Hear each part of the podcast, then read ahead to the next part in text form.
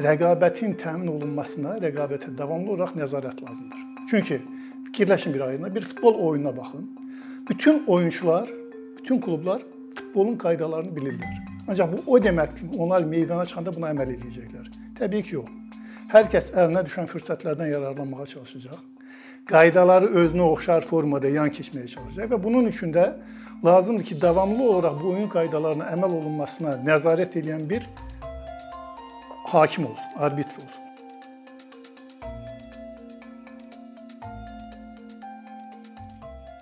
Bu gün e, Azərbaycan iqtisadiyyatının ən ağırlı problemlərindən olan rəqabətdən danışmaq istəyirəm. Rəqabət əslində e, azad bazar münasibətlərinin ən vacib üç mexanizmindən biridir. Bunlardan əgər birincisi azad seçimdirsə, istehlakçının, ikincisi sərbəst qiymət qoymadırsa, bunları tamamlayan və ən vacib mexanizmlərdən biri də rəqabət mexanizmidir. Təbii ki, rəqabət nədir deyəndə ilk ağlıya gələn hamısının ondan ibarətdir. Bu bir bəhsləşmə prosesidir. Ancaq öz özlüyündə e, birdən çox iştirakçı arasında baş verən hər cür bəhsləşmə rəqabətdirmi? Bax bu sualın cavabı burada ortaya çıxır. Ona görə ki, Azərbaycan iqtisadiyyatında davamlı olaraq üzləşdiyimiz bir məsələdir. Deyəndə hansısa sahədə inhisarçılıq var.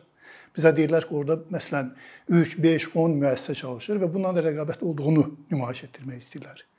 Əslində isə rəqabətin mahiyyətində dayanan odur ki, əvvəla rəqabət məhdud bir şeyi əldə etmək və yaxud onu paylaşmaq uğrunda e, mövcud razılaşdırılmış oyun qaydaları və qadağalar çərçivəsində təməl insan haqlarına və azadlıqlarına təminat verildiyi bir şəraitdə ayrı-seçkilik qoyulmadan birdən çox iştirakçı arasında baş verən bir bəhsləşmə prosesidir, mübarizədir.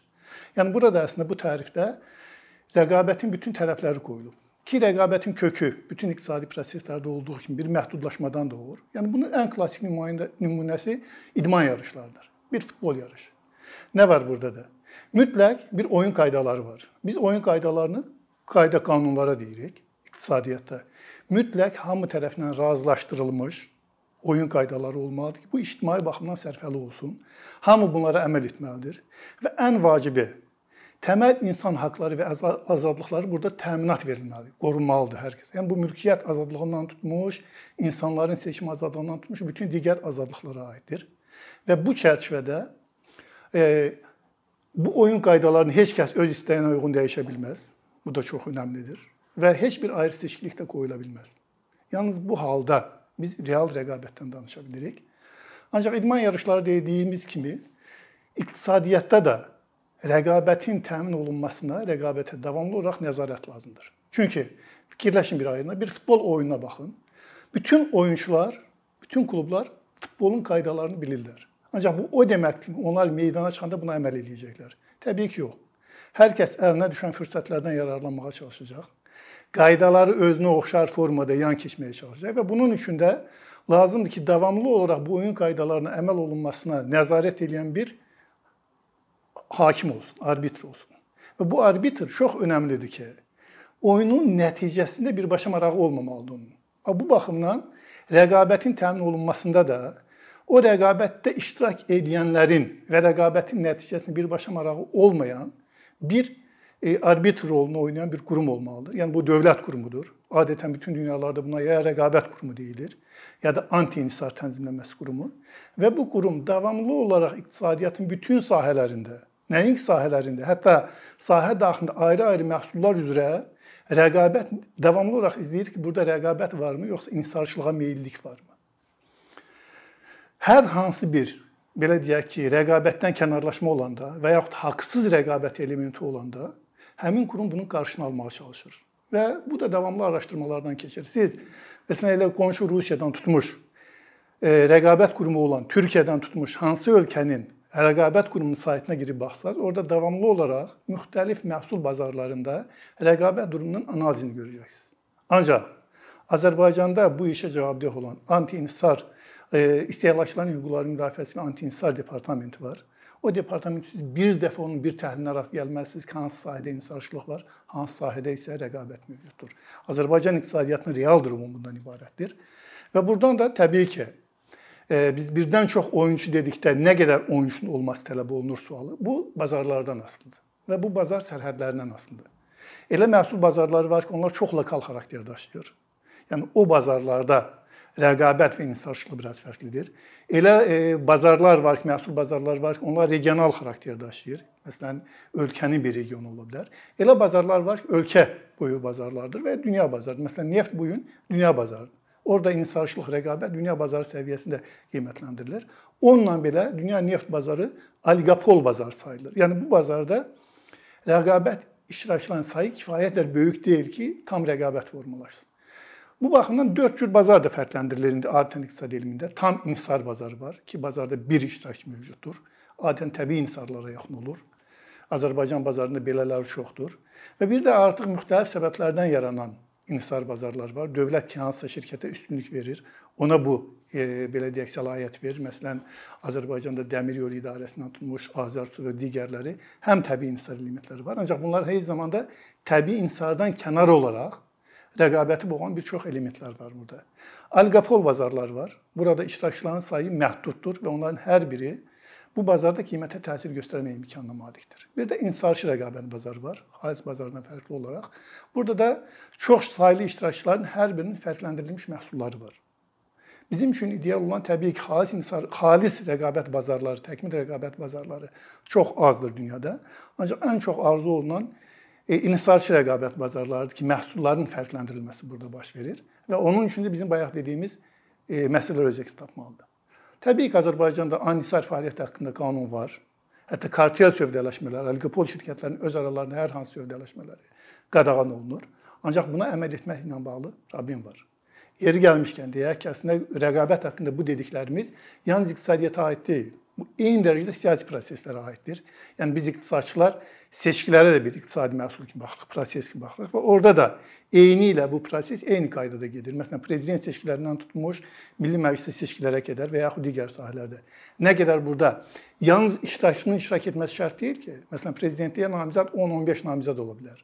Ancaq onlardan birinə fərqli bir şərait yaradıb, digərlərinə tamamilə fərqli şərait yaradılıbsa, artıq burada rəqabətdən söhbət gedə bilməz. Və burada daha bir vacib məqama gəlib toxunuruq. Rəqabət öz-özlüyündə bir proses olsa da, bu bir e, belə deyək, mexanizm olsa da, ancaq bu çox vacib bir cəmiyyətin institutudur. Bu bir davranış normasıdır və cəmiyyətdə tədricən bir mədəniyyət formalaşır. Adətən buna rəqabət mədəniyyəti deyirik. Rəqabət mədəniyyət formalaşmış cəmiyyətlər e, sözün həqiqi mənasında mədəni inkişaf səviyyəsi yüksək olan cəmiyyətlər hesab olunur. Niyə? Çünki bu cəmiyyətlərdə belə qəbul olunur ki, bu cəmiyyətdə uğur qazanmağın əsas yolu mühüm yolu elə rəqabətdir. Məsələn, fərz eləyək ki, bu gün oturub televizorun qarşısına baxan gənclər və yaxud hər hansı bir şəxs kiminsə bir şəxsin hər hansı bir vəzifəyə, yüksək vəzifəyə təyin olunduğunu eşidir. Dərhal insanların beynində yaranan ilkin reaksiya maraqlıdır. İnsanlar onu öz uğuru ilə mi gəlib o səviyyəyə çatıb, yoxsa bu hansısa başqa yollarla, kiminsə qohumu olması, kimin hansısa başqa yollarla gəlib ora çıxması. Bu reaksiya cəmiyyətdə olan o belə deyək, mədəni e, rəqabət mədəniyyətinin nə səviyyədə olduğunun ilk nümayişidir. Və bu da bunun da qaynağı cəmiyyətdə yaşananlardan gəlir. Cəmiyyət nə görür? Yəni biz qanunlarımız yaxşı yaxşı qanunlar qəbul oluna bilər. Əgər o qanunlar işləmirsə, əgər cəmiyyət hər addım başı görürsə ki, vəzifəyə qohumluq münasibətlərinə görə təyin olunur, korrupsiya münasibətlərinə görə təyin olunur, neopotizm, korrupsiya baş alıb gedir E, heç bir halda onlar uğurun rəqabət nəticəsində əldə olunduğuna inanmayacaqlar. Və bundan doğan hadisələr var. Nəyə görə? Çünki ayrı-seçkilik var, qaydalara əməl edilməməzlik var. Yəni bütün görürsüz, hətta təməl insan haqqları qorunmur və bu da artıq bütövlükdə rəqabət mühitinin nə vəziyyətdə olduğunu göstərir. Bəs nə üçün rəqabət mexanizmi bu qədər e, önəmli bir mexanizm hesab olunur? Bu mənfi cəhətlərini sadadıq. Ancaq ən önəmlisi olan Rəqabət mexanizminin ən vacib məsələsi ondan ibarətdir ki, insanlarda uğurun məhz rəqabət nəticəsində əldə olunduğuna bir inam formalaşır. Qalibləri əgər qaliblər belə deyək də, həqiqi rəqabət nəticəsində uğur qazanıbsa, məğlublar qalibləri təbrik edirlər. Bayaq dediyimiz kimi necə ki idman yarışlarında bu baş verir. Və ən önəmli olan burada məğlublar bu oyunda məğlub hesab olunsalar da Son nəticədə bütün cəmiyyət və bu məğlublar da bunu qazanırlar. Nəyə görə? Çünki məğlublar inanırlar ki, bu gün bu yarışın qalibi olan şəxs ən yaxşısı olub Deməli, o daha yaxşıdır.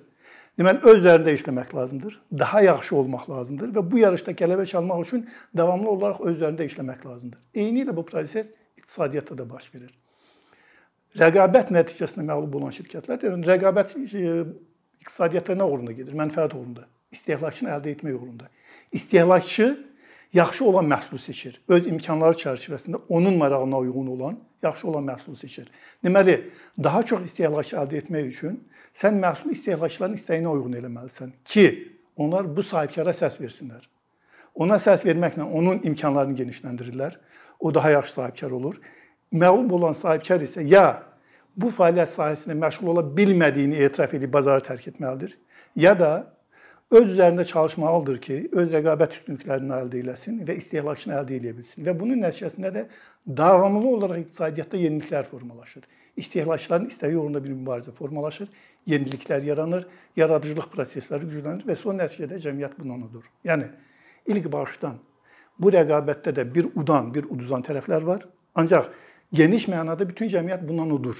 Nəyə görə? Çünki uduzanlar da rəqabətin gücünə inandığına görə öz üzərində işləyirlər, özünü təkmilləşdirirlər və növbəti yarışlarda daha yaxşı belə deyək, e, özün əlamətləri ilə uğur qazanmağa nail ola bilirlər. Hər zaman dediyim bu rəqabətdən danışanda elə idman yarışlarında həmin proses baş verir. Hər hansı bir idman yarışında qaydalardan kənarlaşma baş verib, haqsız bir qələbə olan kimi bunu hər kəs hiss eləyir və artıq narazılıq formalaşır və bu narazılıqlardan qaldırılması üçün də addımlar atılır.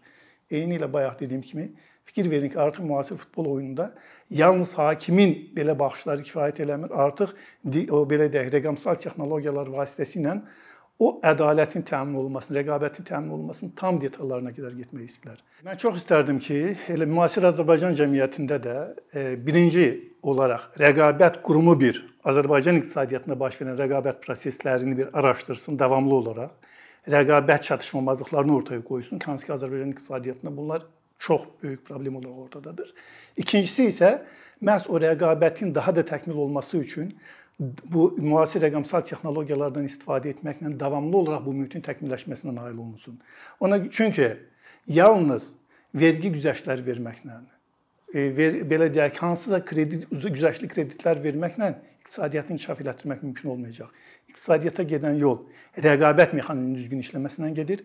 Rəqabət mexanizmi insanları öz üzərində davamlı olaraq işləməyə vadar edir. Bu təhsilə tələbat yaradır. Təhsilin inkişafı isə cəmiyyətin ümumi inkişafına gətirib çıxarır. Əkinçinin yeni videoları haqqında məlumatlı olmaq üçün kanalımıza abunə olmağı və xəbərdarlıq funksiyasını aktivləşdirməyi unutmayın.